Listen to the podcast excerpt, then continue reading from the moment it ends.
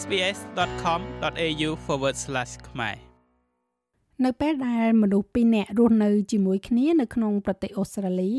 ទំនាក់ទំនងរបស់ពួកគេនៅតែអាចត្រូវបានគេទទួលស្គាល់ដោយស្របច្បាប់ទោះបីជាពួកគេមិនបានរៀបអាពាហ៍ពិពាហ៍ក៏ដោយការចោះឈ្មោះទំនាក់ទំនង de facto គឺខុសគ្នាពីរដ្ឋមួយទៅរដ្ឋមួយទោះជាយ៉ាងណាក៏ដោយក្នុងករណីមានការបែកបាក់ ទំនាក់ទំនង de facto ត្រូវបានចាត់ទុកដូចគ្នាទៅនឹងទំនាក់ទំនងស្របច្បាប់ក្រោមច្បាប់ Commonwealth ដៃគូដែលរួមរស់នៅជាមួយគ្នាដោយមិនចុះលិខិតអាពាហ៍ពិពាហ៍ឬក៏ដៃគូ de facto នេះមានសិទ្ធិទទួលបាននូវការការពារស្រដៀងគ្នាដូចអ្នកដែលរៀបអាពាហ៍ពិពាហ៍ដែរយោងទៅតាមការធ្វើជំរឿនចុងក្រោយបង្អស់មានមនុស្សជាង2លាននាក់នៅក្នុងប្រទេសអូស្ត្រាលីត្រូវបានចុះឈ្មោះនៅក្នុងទំនាក់ទំនង de facto ប៉ុន្តែតើទំនាក់ទំនង de facto នេះគឺជាអ្វីហើយតើវាត្រូវបានច្បាប់ទទួលស្គាល់នៅពេលណា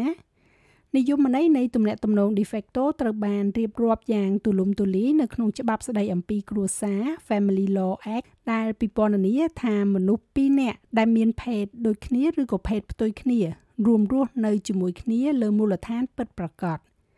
ដំណើរការនិងតម្រូវការសម្រាប់ឲ្យទំនាក់ទំនងរបស់អ្នកត្រូវបានគេទទួលស្គាល់ថាជា de facto គឺវាអាស្រ័យទៅលើរដ្ឋឬក៏ដែនដីដែលលោកអ្នករស់នៅ។ជាឧទាហរណ៍នៅក្នុងរដ្ឋអូស្ត្រាលីខាងត្បូងទំនាក់ទំនង de facto ត្រូវបានចុះបញ្ជីក្រោមច្បាប់ចុះបញ្ជីទំនាក់ទំនង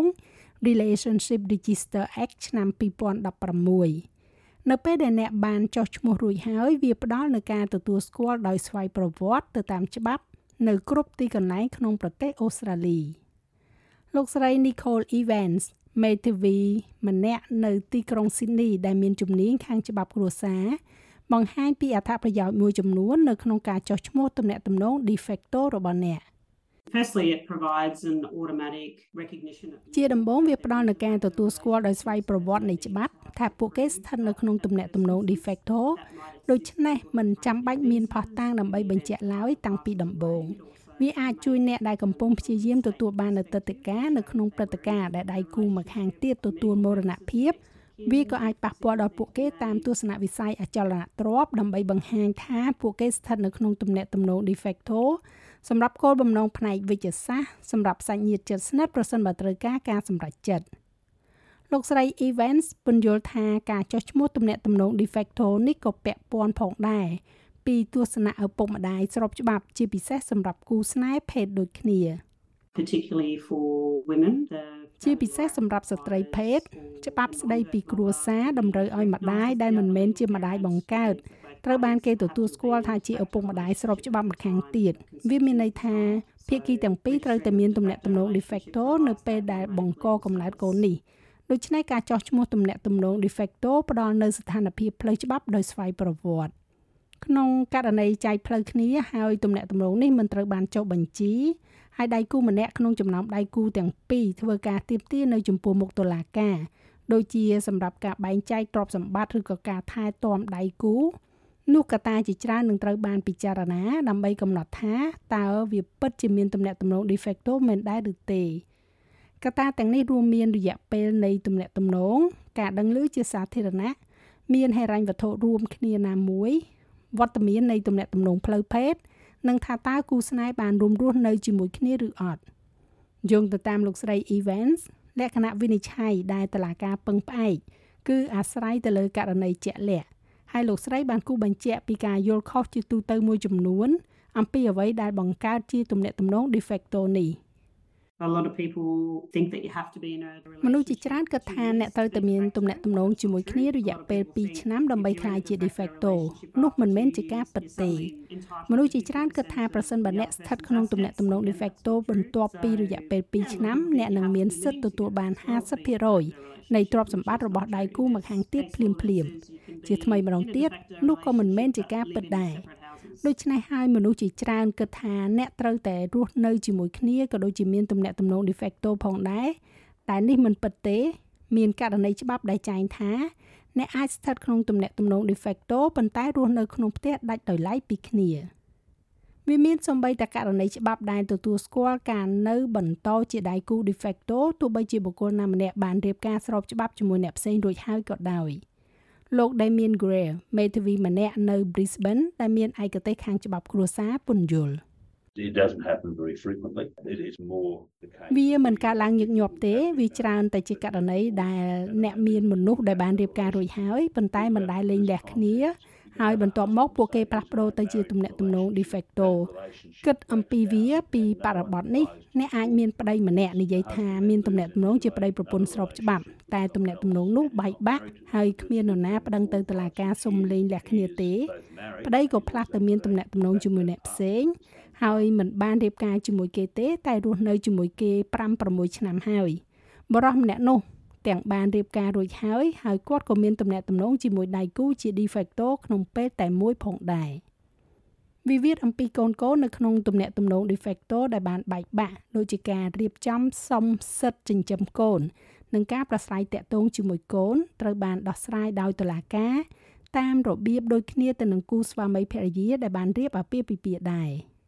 ពាក្យស្នើសុំសម្រាប់ដីការបស់តុលាការតាក់ទងទៅនឹងបញ្ហាហិរញ្ញវត្ថុ រួមទាំងការបែងចែកទ្រព្យសម្បត្តិនិងការថែទាំដៃគូចាស់ត្រូវតែដាក់ជូនក្នុងរយៈពេល2ឆ្នាំ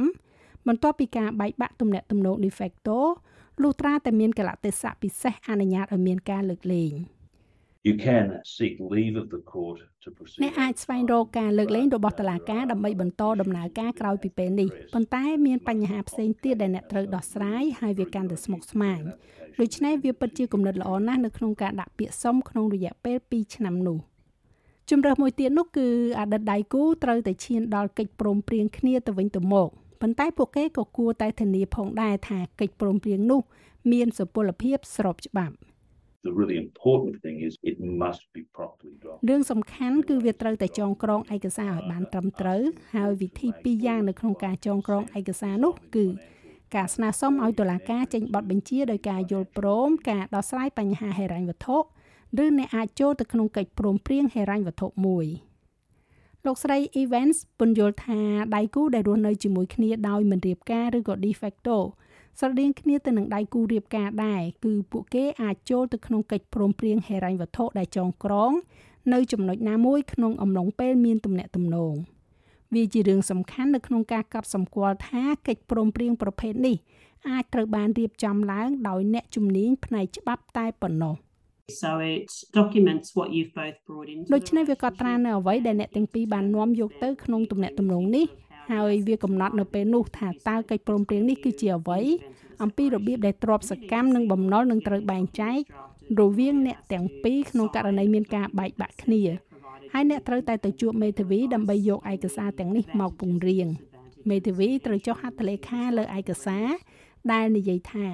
ពួកគេបានផ្ដល់ឲ្យអ្នកនៅដំបូន្មានផ្នែកច្បាប់ឯករាជ្យអំពីគុណសម្បត្តិនិងគុណវិបត្តិនៃការចូលទៅក្នុងកិច្ចព្រមព្រៀងប្រភេទនេះដៃគូ de facto ដែលរស់នៅបែកគ្នាក៏អាចចូលប្រើប្រាស់សេវាសម្របសម្រួល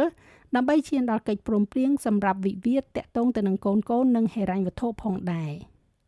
លោកស្រី Fiona Burnett ដែលជាអ្នកប្រឹក្សាផ្នែកទំនាក់ទំនងនៅ Relationship Australia នៃរដ្ឋអូស្ត្រាលីខាងលិចមានប្រសាសន៍ថាការសម្រុះសម្រួលអាចជួយឲ្យភាគីទាំងពីរឈានដល់កិច្ចព្រមព្រៀងមួយដោយយុត្តិធម៌និងស្មារភាពសម្រាប់អ្នកទាំងពីរខណៈពេលដែលមិនត្រូវសម្រេចដោយអារម្មណ៍របស់ពួកគេដំណើរការនៃការសម្របសម្រួលគឺស្ម័គ្រចិត្តនៅពេលដែលភាគីណាមួយផ្ដួចផ្ដើមវា នោះសេវាកម្មនឹងតាក់ទងទៅភាគីម្ខាងទៀតដើម្បីសួរថាតើពួកគេសុខចិត្តចូលរួមដែរឬទេលោកស្រី Burnett ពន្យល់ថាប្រសិនបើភាគីទាំងសងខាងយល់ព្រមបន្តដំណើរការពិនិត្យជាធម្មតាធ្វើឡើងដើម្បីដឹងពីប្រវត្តិទំនាក់ទំនងរួមទាំងកត្តាហានិភ័យនានា អ្វីដែលយើងចង់ធ្វើគឺត្រូវប្រកាសថាយើងពិតជាអាចមើលនិងស្វែងយល់ថាតើមនុស្សពីរនាក់នេះអាចអង្គុយនៅក្នុងបន្ទប់តែមួយបានទេឬប្រសិនបើពួកគេមិនអាចអង្គុយក្នុងបន្ទប់តែមួយបានទេនោះចឹងហោចណាស់អាចទំនាក់ទំនងតាមរយៈអ្នកសម្របសម្រួលបានដែរឬទេអ្នកដឹងទេយើងពិតជាពិនិត្យមើលលើហានិភ័យនៅក្នុងការគោរពនោះ ដូច្នេះយើងធ្វើឲ្យប្រកាសថាអារម្មណ៍នៃអំពើហិង្សាក្នុងគ្រួសារឬក៏ប្រភេទនៃការគ្រប់គ្រងដោយបង្ខិតបង្ខំគឺពិតជាត្រូវបានដឹងនៅមុនដំណើរការការសម្រោះសម្រួលចាប់ផ្ដើមឡើងនៅទីបំផុតអត្ថប្រយោជន៍សម្រាប់គូស្វាមីភរិយាដែលបែកបាក់គ្នាងាកទៅរកការសម្រោះសម្រួលគ្នានោះគឺថាពួកគេអាចព្យាយាមដោះស្រាយចំនួនរបស់ពួកគេនៅក្នុងលក្ខណៈអង្អាច If you start in court, it becomes ប្រសិនបើអ្នកចាប់ផ្ដើមនៅក្នុងតុលាការវាคล้ายទៅជារឿងដែលត្រូវធ្វើទៅតាមលំនាំដែលជាដំណើរជំរងចម្រាស់និងត្រូវការអំណះអំណាងចំណែកឯប្រសិនបើអ្នកចូលមកតាមរយៈការសម្រុះសម្រួលអ្នកកំពុងស្វែងយល់ពីអ្វីដែលអ្នកអាចមើលឃើញពីទស្សនៈរបស់ភាគីម្ខាងទៀតវាផ្ដល់នូវការអប់រំនៅតាមផ្លូវដូច្នេះតាមពិតអ្នកនឹងទេថា មនុស្សម្នាមានអារម្មណ៍ថាបានត្រៀមខ្លួនរួចជាស្រេចដើម្បីដោះស្រាយស្ថានភាពដោយខ្លួនឯងជាជាងគ្រាន់តែអង្គុយនៅខាងក្រោយហើយត្រូវបានគេប្រាប់ពីអ្វីដែលត្រូវធ្វើចាស់ហើយរបាយការណ៍ដែលពន្យល់អំពីការរស់នៅក្នុងប្រទេសអូស្ត្រាលីឬក៏ Australia Explain នេះចងក្រងឡើងដោយ Zoe Thomaidau និងប្រែសម្រួលជាភាសាខ្មែរដោយនាងខ្ញុំហៃសុផារ៉ានីចូលចិត្តអ្វីដែលអ្នកស្ដាប់នេះទេ Subscribe SBS ខ្មែរនៅលើ Podcast Player ដែលលោកអ្នកចូលចិត្ត